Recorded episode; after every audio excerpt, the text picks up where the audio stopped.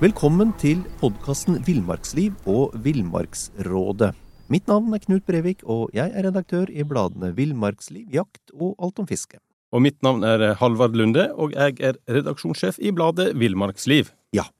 Eh, og vi må også nevne, Halvard, selv om vi jo er eh, breddfulle av kunnskap, så har vi fått veldig god hjelp her eh, av Andreas Næristorp og Tom Shandy, Dag Kjelsås, Arne Hamarsland og Jon Arne Tungen til å besvare noen av spørsmålene.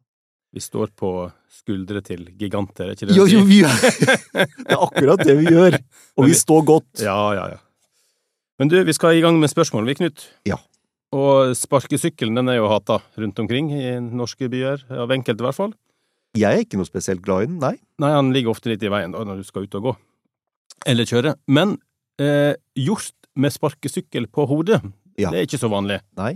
Men det er kommet inn et spørsmål her da, som, eh, som, eh, som skriver at i i så ble det observert en hjort som gikk rundt med en sparkesykkel på hodet. Mm.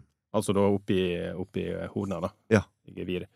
Eh, burde det stakkars dyret ha vært avlivet? Det må da ha vært veldig tungt og vanskelig å gå rundt med en slik ekstra hodepryd? Ja, det øh, Jeg skjønner spørsmålet, men, men øh, vårt klare råd er jo, er jo nei. Og, og med en sånn fast gjenstand, eh, som jo en sparkesykkel er, så er det jo ikke så, så stor risiko for at hjorten vil henge seg fast andre steder. Og, og så feller den jo, jo øh, geviret igjen i løpet av, løpet av høsten. Men hvis det derimot hadde dreid seg om en, en taukveil, eh, eller en sånn ståltrådvase, da, da hadde det stilt seg annerledes. Da, da tenker nok vi at, eh, at eh, det ville vært det mest fornuftige at hjorten ble felt. Fordi da, da ville sjansen vært så vidt stor for at den kom til å henge seg fast i trær eller, eller andre ting. Og, og de hadde jo et tilsvarende tilfelle i, i Råde i Østfold, hvor en elgokse gikk rundt med et barnesete til, til bil i geviret sitt. Og da det Da ble det starta en pengeinnsamling, folk var bekymra. Starta pengeinnsamling da for å få bedøva elgen med et sånt Daktari-gevær. Eh, Men etter 14 dager da, og mye ståhei og omtale i lokalpressen, så, så falt, falt ganske enkelt barnesetet av. Men um, det er, det er jo ikke første gang vi hører om sånne hendelser, og, og Nå får du bladet Villmarksliv rett hjem i postkassa i tre måneder for kun 99 kroner. Send SMS VILL36 til 2205 og motta bladet allerede neste uke. Hey, it's Ryan Reynolds, and I'm here with Keith, co star of my upcoming film, If, only in theaters, May 17th. Do you want to tell people the big news? All right, I'll do it. Sign up now and you'll get unlimited for $15 a month in six months of Paramount Plus Essential Plan on us. Mintmobile.com slash switch. Upfront payment of $45 equivalent to $15 per month. Unlimited over 40 gigabytes per month. Face lower speeds. Videos at 480p. Active Mint customers by 531.24 get six months of Paramount Plus Essential Plan. Auto renews after six months. Offer ends May 31st, 2024. Separate Paramount Plus registration required. Terms and conditions apply if rated PG. Ja, jeg husker eh, et, et eh, tilfelle, det var også fra Østfold, hvor det hadde gått en råbukk inn i et, et sånt fotballnett Mm. og surra seg fast. Og, og da De, de skar det jo løs, da, men da er jo, er jo poenget å holde opp bakbeinet på dyret, da, sånn at det ikke får sparka fra. Det kan man jo gjøre med et så vidt lite dyr som et rådyr, Mm. mens du skjærer i stykker nettet. Um, og, og jeg husker sjøl en gang fra der jeg bor, litt utafor Oslo, så måtte vi skjære løs en, eh, en elgokse som hadde hadde, hadde surra seg inn i et, en, en, en skytebane. Det var en sånn, sånn inntrekksanordning med tau hvor du kunne trekke til deg skivene. Det var en 22 sånn skiskytterbane. Ja. Og han surra seg inn i det og dratt med seg deler av banen inn i skauen, og, og gått seg helt fast, da. Mm. Og, og etter, etter hvert så hadde han blitt nærmest fiksert, så han, han, han, ja, kunne bare røre en halvmeter eller noe sånt på hodet. Men vi klarte å skjære den løs. Um, men, men det illustrerer jo at hvis det er snakk om tauverk og sånne ting, så da øh, Ja, enten så, så, så klarer du å skjære dem løs hvis du finner dem når, du, når de har gått seg fast, men veldig ofte vil jo det ikke være tilfellet, at du finner dem, og så blir de jo liggende og Mm. Liggende og sulte i hjel, og, og- eller de tørster jo i hjel, det er jo det som skjer. Så som sagt, hadde det vært tauverk, så, så ville nok anbefalinga vår vært at det ble avliva hvis man hadde, hadde muligheten. Mm. Men når det gjelder akkurat, eh, akkurat eh, dette, dette tilfellet som, som innsenderen eh, spør om her, da, denne sparkesykkelen, så, så gikk det bra. Eh, for der kunne man lese i lokalavisen et, stykke etterpå at, det at fikk en heldig utgang, for en bonde hadde funnet sparkesykkelen på et jorde. Så, så det dyret, det kunne gå resten av høsten rundt uten ekstra hodepryd. Ja, For den ekstra vekta, det tåler han greit? Ja, de er sterke, altså. Ja. Eh, og, og, og mye, mye eh, Nakkemuskulaturen på, på en, en hjort er, er brutalt. Så, de er, de har, eh, så, så det, det tror jeg ikke er noe det helt store Nei. problemet. Ok.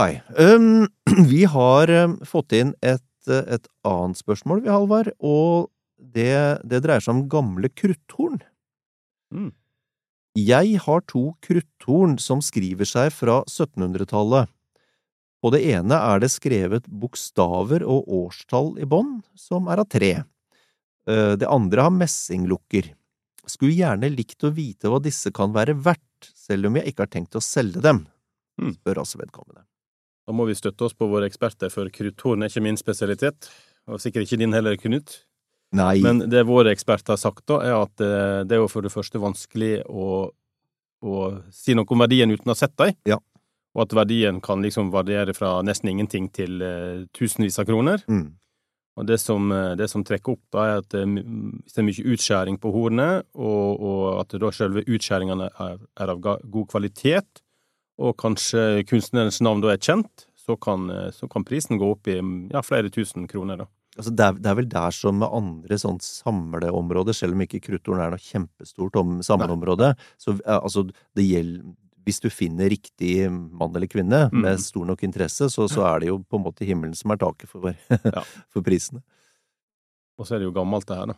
Det er forresten skrevet ei bok om eh, krutthorn, eh, Knut, og den heter nettopp Krutthorn, en oversett del av norsk folkekunst.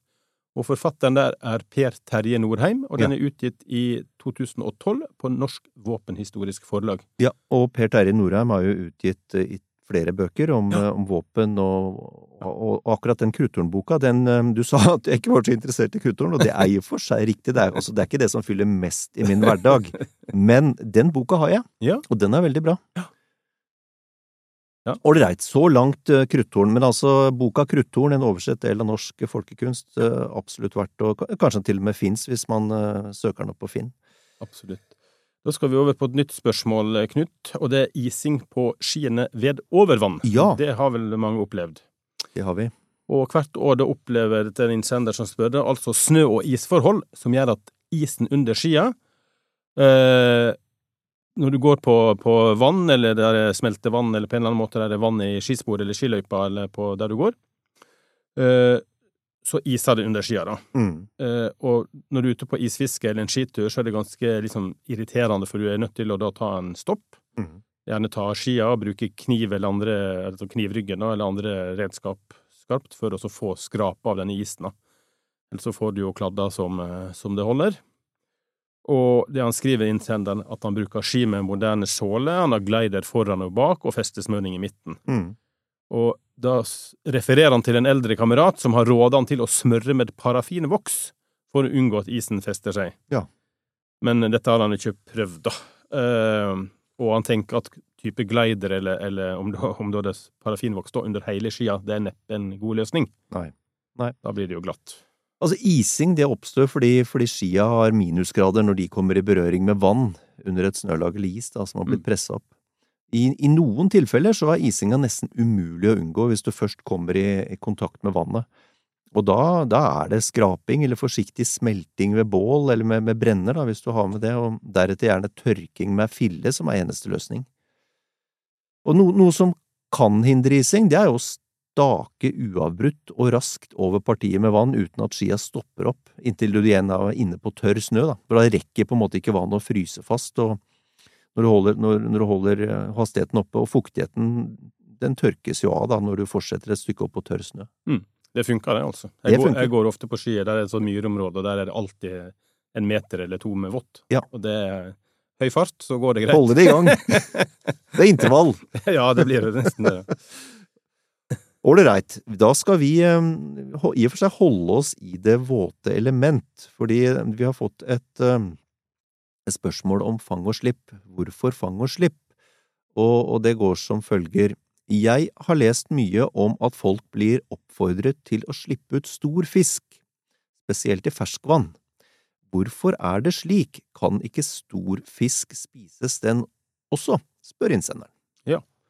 Og da har vår ekspert eh, svart at det faktisk er mange grunner til at du skal slippe den store fisken i ferskvann. Eh, den største fisken den har gode gener, og den er en viktig gytefisk Mm. i vannet, elva eller innsjøen der du fisker. Mm. Og hvis du gjør det riktig, så tåler faktisk den samme fisken å bli fanga mange ganger. Mhm. Eh, en stor fisk er jo ofte gammel, og, og hvis vi ser på rovfisk som gjedde, abbor, lake, ørret og gjørs, så er disse på toppen av næringskjeden Mm. og akkumulerer en del miljøgifter som egentlig da kan gjøre dem uegnet som mat. Ja.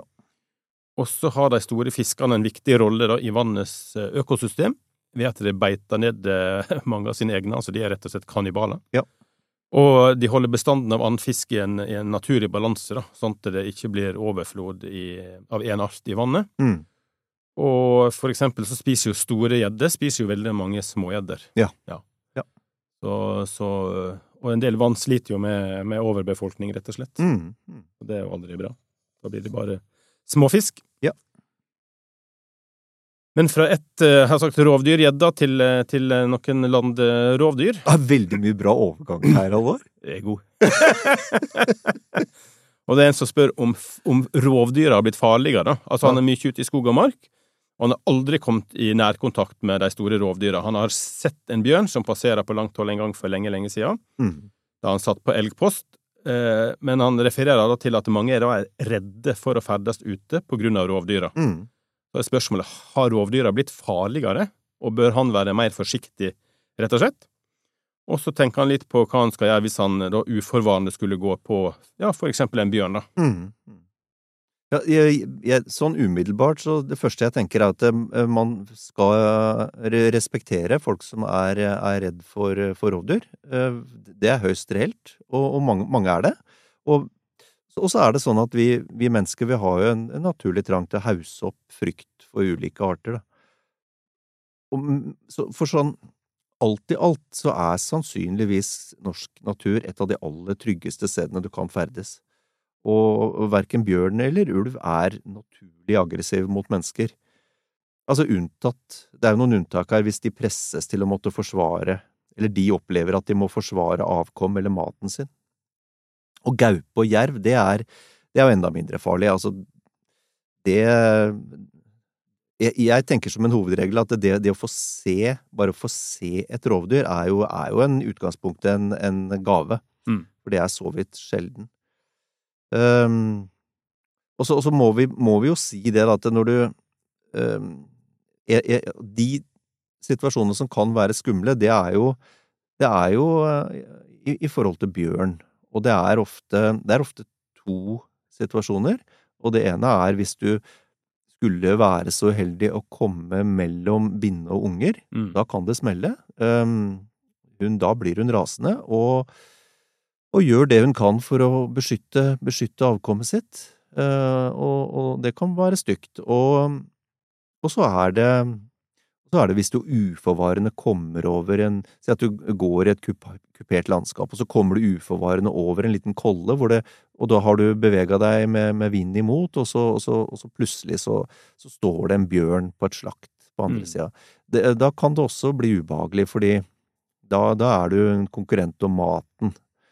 Um, så, så, så det er et par situasjoner hvor man skal være, være obs sånn i, i forhold til bjørn, men, men sjansen for å treffe bjørn i norsk natur, den er, er så liten, så vi, vi, snakker, eh, vi snakker om helt sånn mikroskopiske muligheter, egentlig. Mm.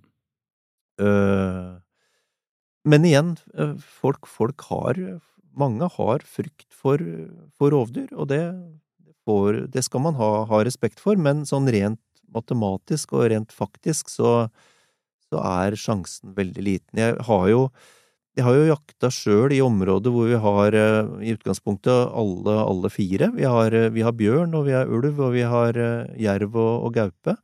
Og jeg har i løpet av de 30 åra jeg jakta i det fjellområdet, så har jeg sett har jeg sett jerv én gang, og jeg har sett eh, bjørn én gang, og jeg har sett uh, ulv én gang. Mm.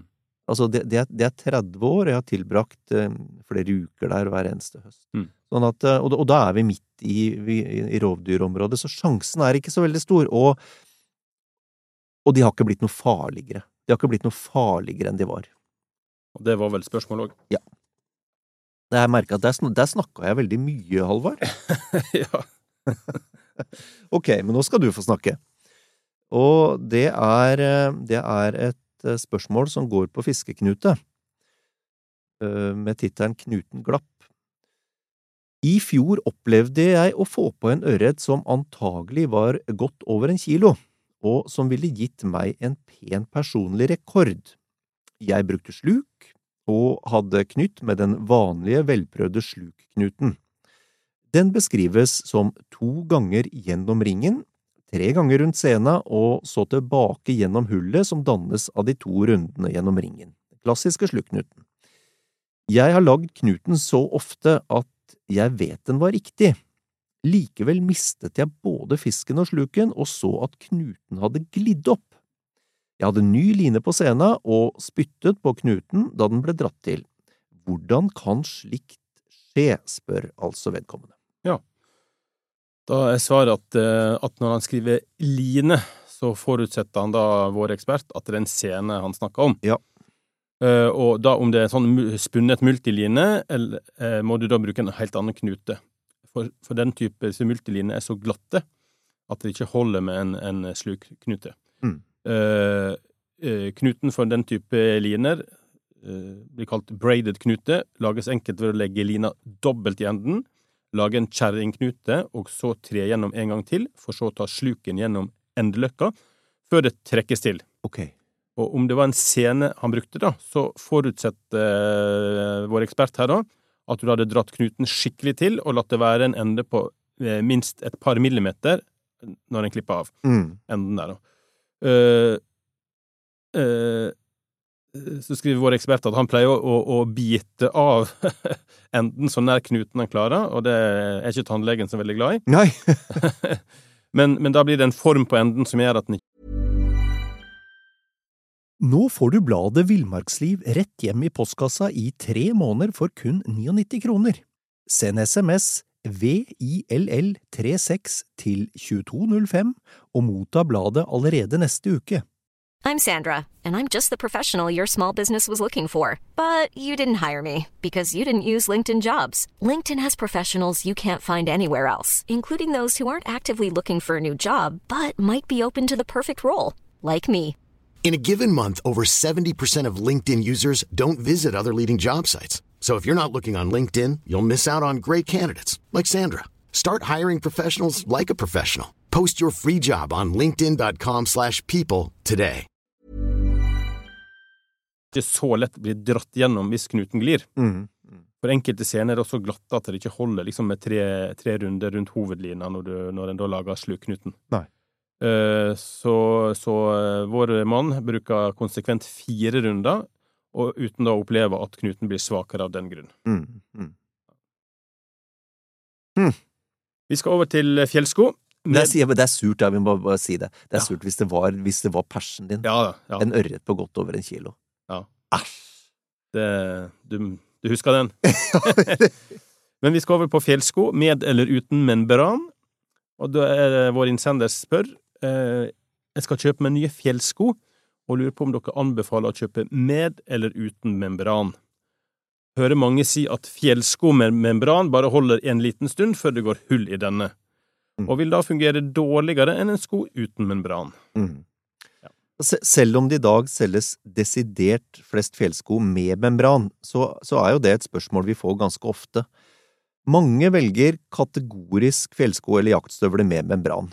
Og en sko med membran, den er som regel varmere, den er tettere, den er litt tyngre, og den er også dyrere enn en sko uten. Og, og hvis du strengt tatt ikke trenger en vanntett sko, så kan det være et like godt alternativ å gå for en sko uten, uten membran. Ved, ved vandring og jakt i, i høyfjellet vil du som regel berge deg godt i en rein lær- eller skinnsko hvis du er påpasselig med vedlikeholdet, men det er til gjengjeld også viktig, da. Samtidig så er det ikke til å komme, komme utenom at en ny sko med membran den holder fukt ute lenger enn en tilsvarende sko uten. Mange diskusjoner går, som, som innsender nevner her på, om hvor lenge membran virkelig holder. Um, og, og, her må det sies at de fleste modeller, på de fleste modeller så vil det slites høl på membran før eller siden selv om nye produksjonsteknikker har gjort at membran holder lenger i dag enn man gjorde i oppstarten, da membran først ble tatt i bruk. Da. Og jeg, sånn rent personlig så husker jeg, jeg jeg tror jeg kjøpte tre par fjellsko tre år på rad, altså ett hvert år, og den som, den som holdt kortest, tror jeg varte tre måneder. Det er lakken. De andre var rundt et halvt års tid, så begynte de å lekke. Mm. Um, men det, dette er jo noen år tilbake i tid, da. Så, og, de, og de, har, de, har, blitt bedre. I de testa vi har gjort de siste åra, så, så, har vi ikke opplevd direkte brudd i membran eller unormale fuktinnslag i fjellsko med membran i løpet av de testperiodene vi, vi kjører. Eh, Villmarksliv kjører jo årlig tester av, fjellstøvler, så, så, vi har jo fingeren lite grann på pulsen i forhold til det. Og, og, og vi ser jo at de har blitt bedre, mm. eller, eller membranen har blitt mer solid med åra. Eh, du kan nok likevel, så kan man nok regne med noe fuktgjennomslag hvis vedlikeholdet av skoa er dårlig, og, og ytterstoffet på, på skoa blir gjennom, gjennomtrukket av fukt, og en går med det over tid. Så rådet blir ganske enkelt. Hvis du strengt tatt ikke trenger en helt vanntett sko, hvis du går mye i høyfjellet, så vil du få en billigere, lettere og mer komfortabel sko hvis du velger en uten membran. Men da må du være mer påpasselig med vedlikehold, og du, har, du, har, noe mindre utvalg med tanke på, på, tilgjengelige modeller. Siden de fleste i dag velger fjellsko med membran, og produsentene de leverer jo det folk vil. Mm. Og disse membranskoene skal jo Altså, de krever jo impregnering ganske ofte. Ja, de gjør det. Jeg lurer på om ikke sist jeg var i butikken, så snakket de om hver eh, tolvte uke minimum, altså. Nettopp, ja. Det blir veldig, veldig fort uh, tørre og, og sprukne, det ytre også. Ja. Greit. Neste spørsmål det går på frysing. Det er jo en klassiker. Fryser på hendene. Går som følger. Jeg begynte å jakte for noen år siden, men det som ødelegger mange av jaktturene, er at jeg begynner å fryse, spesielt på hendene, men også på føttene. Da forsvinner mye av gleden ved å være ute, og det eneste jeg tenker på er at jeg fryser, og at det verker i hender og føtter. Hva kan jeg gjøre, Halvard? Ja, si det. Du, da er han i godt selskap. Uh for når det gjelder det å holde fingre og tær varme ute i kulda, så er, det jo et sånn klassisk problem. Og de fleste av oss har vel opplevd eh, en varierende grad av at vi, vi er kald på, på tærne og oh, kalde yes. på fingrene. Og årsaken den har vi jo for så vidt sikkert snakka om mange ganger før. Det er jo at eh, blodsirkulasjonen til fingre og tær den er dårligere i forhold til da altså utetemperatur og isolasjon. Altså kroppen trekker jo på en måte litt sånn eh, blodet til seg og beskytter de hodet og indre organer og litt sånt.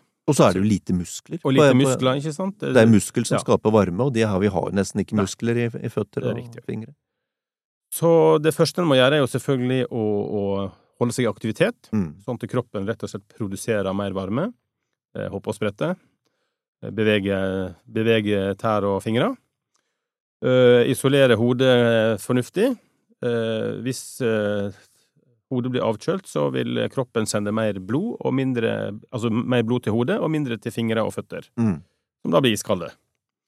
Og så nevner våre eksperter noe som, som jeg litt, uh, har nesten aldri tenkt på. Uh, at det, det finnes en del sånne folkemedisin, noen sånne ekstrakter og greier som folk bruker for å få bedre blodsirkulasjon. Så vi har dekning for å, å påstå det. Og så er det jo noen som påstår at det å spise chili bidrar til at du det inneholder et stoff som heter kaps, kapsaisin, som da skal gi en økning i forbrenning og kroppstemperatur. No. Eh, men uavhengig av det, så tenker jeg at det er jo støvler med god såle, ja. ullsokker og, og, altså Vi har snakka om før et eller annet å stå på, kanskje, så hindrer du at du blir kald på og fryser på beina. Da. Mm. Så har muligheten Altså hvis du står i ro, da. Ja.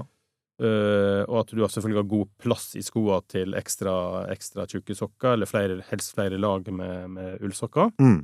Og samme med, med hendene, at du har gjerne to eller tre lag til å dra over fingrene da, på Mm. hendene. Mm. Uh, og på skoa så kan det jo være en idé å, å ha på en sånn type gamasje, eller en isolert gamasje, som, som kanskje til og med dekker tåpartiet, og, Mm. og i hvert fall hindre at det snø eller annen fukt kommer ned i, fra toppsida på, på, på støvelen. da. Ja, ja. Og så, hvis du er litt mer avansert, så finnes det jo såler med batteri som en, og ting som en kan eh, Ja, med sånne varmetråder, da, som varmer opp frosne tær. Mm. Eh, De sålene er vel kanskje ikke alltid like gode å gå med, men også stå på dem fungerer greit, da. Så finnes det jo sånn type eh, hansker med batteri med varmetråder i, som varmer opp hanskene, og du kan ha sånne poser som du, som du eh, knekker på eller kniper på, som gjør at de avgir varme, da. Ja, ja. Ehm, Jeg må si det at jeg, jeg, jeg kjenner meg igjen. Jeg har jo jakta mye, og også, også på vinteren. Og, og det, er jo, det er jo som du sier, så f- sørg for du, sørg for at du har flere lag med sokker. Eh, har det romslig, romslig i skoa. Gjerne kappa noe granbar å stå på, eller ha med et eller annet som isolerer mot, mot bakken, for veldig mye varme går ut ned gjennom bakken, altså. Um, og, og sørg for å ha med, ha med votter, gjerne et par lag med votter. Og så, er det, og så er det jo som du sier, selv om det er vanskelig når du står på post, da, skal du, da skal du stå stille, Mm, altså. Men dette med bevegelse er ikke så lett. Men så, så, så mye hopping opp og ned bør du nok ikke gjøre på post, men dette med eh, sånn statisk muskel, eh, altså Mm. trekke sammen eh, de store muskelgruppene, eh, spenne muskler, holde på med det, eh, bestemme seg for å gjøre det 100 ganger, liksom. Eh, Du spenner alle muskler i kroppen 100 ganger, og så slapper av. Da skaper du varme. Ja. Uten, uten at du egentlig forstyrrer omgivelsene, da. Og så har vi jo snakka om det før òg, at altså, ta på en ekstra jakke. da. Altså, det, Sørg for at du er varm i, i kroppen, på en måte. Ja, ja. Da skal vi gå fra litt uh, frysing til, uh, til vi har fått inn et lytterspørsmål, og det kan folk sende til uh, post alfakrøll villmarksliv.no, tror jeg Mm. skal fungere. Uh, uansett, vi har fått et lytterspørsmål, og han skriver her at eh, Ja, han skryter jo voldsomt av podkasten først, da. Og det er lurt! Og det, det syns jeg vi skal ta med. og at han, at han hører på alle episodene minst to ganger. Og Det, det syns vi er bra. Men han har et spørsmål, og det er hvordan han skal oppføre seg rundt sauer og bukker på beite i fjellet. Ja. Og han skriver at eh, jeg er ofte på turer i, områder der disse går, og uansett hvor forsiktig man beveger seg, er det alltid de største som kommer løpende mot deg. Mm. Og i noen tilfeller så har det blitt så ubehagelig at en velger å snu og avbryte turen tidligere enn planlagt. Mm. Så da er, da er spørsmålet da, Knut, egentlig, hva, hvordan skal han forholde seg eh, til disse sauene og, og bukkene som, som beiter? Og, og det er jo kanskje både et spørsmål som kan inkludere hund òg, hvis du går med hund i fjellet, for eksempel. Mm, mm. Ja, for det er jo ofte da problemet dukker opp. Eh, Mm. Det er min erfaring, i hvert fall. Og at, eh, at spesielt ungdyr og krøtter, de, de kan reagere på hund. Så, og de gangene jeg treffer eh, for eksempel en bøling med, med ungdyr, da, eller, eller krøtter i, i fjellet, så da går jeg, da, eller, eller seterdaler, eh, da går jeg utenom, rett og slett. For Mm. jeg merker at eh, de blir irriterte. Og, øh, og ei ku kan, eller et ungdyr kan fort bli noen hundre kilo. Mm. Og de vil du ikke ha etter deg, altså. Um, for de er tunge, og de er sterke. Selv om de i utgangspunktet ikke er noe aggressive, så, så er det et eller annet med tilstedeværelsen av hund som de reagerer på. Så da, da er, øh, da er det klare rådet rett og slett å gå i en bue utenom. Mm. Hvis du ikke har hund, så Altså, øh, sau og, og geit har jeg aldri, jeg har Det aldri er stort sett uproblematisk. ja, det er ja, Men og, innsenderen eh, opplever det jo som, som problematisk, altså, og det er jo har han helt sikkert hatt noen dårlige episoder, men der har ikke jeg Jeg har ikke opplevd at det har vært noe trøbbel med, med, med geit eller, eller sau, men sånn generelt, da, så, så er det jo, tenker jeg, en, en god idé hvis du, hvis du er er bekymra, og fremstå når du passerer dyr i fjellet, enten det er, enten det er kyr eller det er geiter, for den saks skyld. Altså, fremstå med selvtillit. Mm. Altså, dyr lukter Og det gjør de faktisk. De lukter dårlig selvtillit, altså. Så hvis du har et kroppsspråk som, som på en måte signaliserer at du er redd, da vil du vekke mer interesse. Det har Mm. jeg, det har jeg sett. Så du Hvis du skal gå gjennom en, en, en diger flokk med, med, med, med krøtter, så Hvis du må det, da. Det er jo helt Du må jo ikke vase gjennom flokken for å gjøre det, men, men hvis det ikke er noe hvis, hvis de står rundt stien, det ikke er noen annen vei utenom, for eksempel, eller du kommer inn i en flokk, så fremstå som du er verdens hersker. Mm. Ja, eh, fram har- med brystet. har- jeg har snudd sjøl, jeg, for en flokk altså. Ja. Syns ikke det er behagelig, men samtidig som du sier at eh, hvis du må, hvis, hvis du må forbi, da, så er det jo det er bare å gå på med stødig blikk og, og hysjer de vekk, altså. Ja da. Og det, og er alt- bare nysgjerrig, som ja, da. regel. Og så er det alltid kanskje en eller to som skal være litt De fleste skvetter unna, Ja, ja, ja. men, men til slutt så, så de, de, de skvetter unna alle, altså. ja, ja. Ja. Nei, så, så, så vårt råd til innsender her blir eh, gå som om du eier verden, eh, eller, eh, eller gå utenom. Ja. Ok, ehm, da har vi det siste spørsmålet i denne runden, vel, Halvor? Ja. Og det er eh, Det er valg av sekk. Eh, Vi er en familie på fire som tilbringer nesten hver helg på hytta. Fram til nå har barna vært for små til lengre turer, men nå i høst har vi planer om noen dagsturer. Til dette ønsker vi tips om kjøp av sekk, helst både type og størrelse, Halvard. Ja, det er jo et eh, liksom eh, et stort spørsmål, da. Ehm,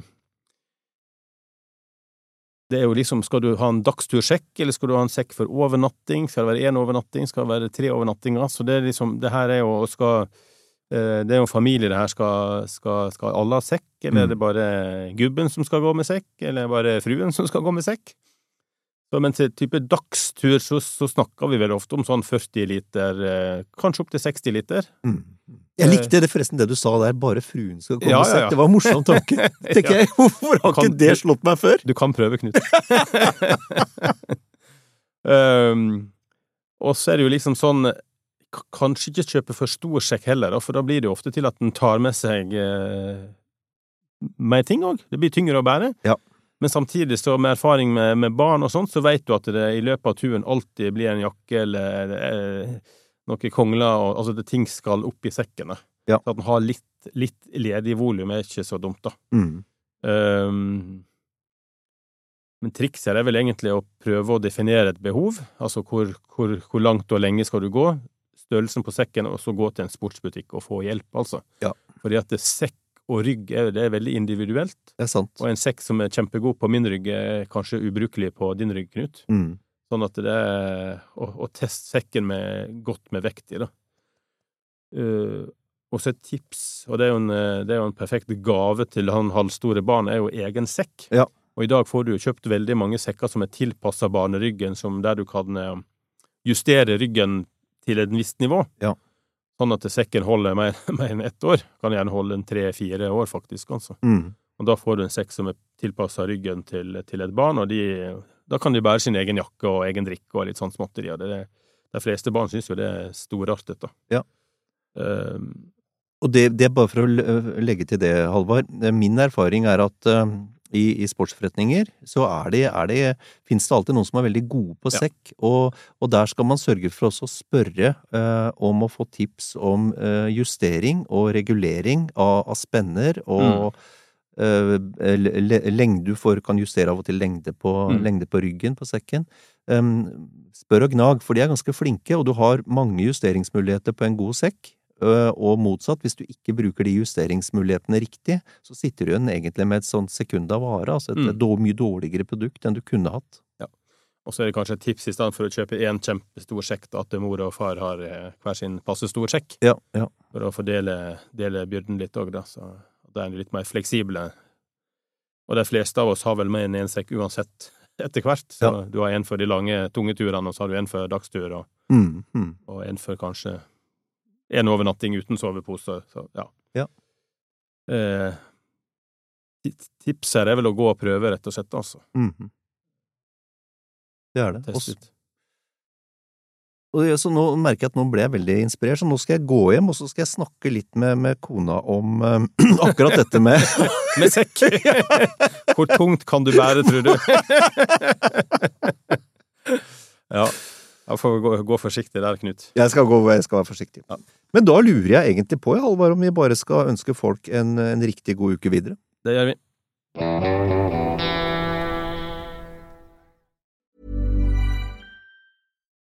Nå får du bladet Villmarksliv rett hjem i postkassa i tre måneder for kun 99 kroner. I Villmarksliv kan du lese om norsk natur, ærlige tester av klær og utstyr, og mange gode turtips skrevet av erfarne friluftsfolk, fiskere og jegere.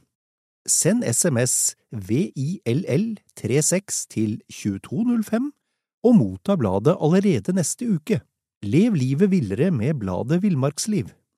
Mom deserves the best, and there's no better place to shop for Mother's Day than Whole Foods Market. They're your destination for unbeatable savings, from premium gifts to show-stopping flowers and irresistible desserts. Start by saving 33% with Prime on all body care and candles. Then get a 15-stem bunch of tulips for just $9.99 each with Prime. Round out Mom's menu with festive rosé, irresistible berry chantilly cake, and more special treats. Come celebrate Mother's Day at Whole Foods Market. Planning for your next trip?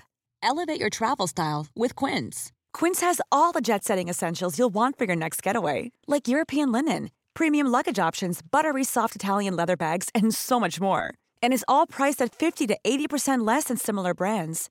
Plus, Quince only works with factories that use safe and ethical manufacturing practices. Pack your bags with high-quality essentials you'll be wearing for vacations to come with Quince. Go to quince.com slash pack for free shipping and 365-day returns.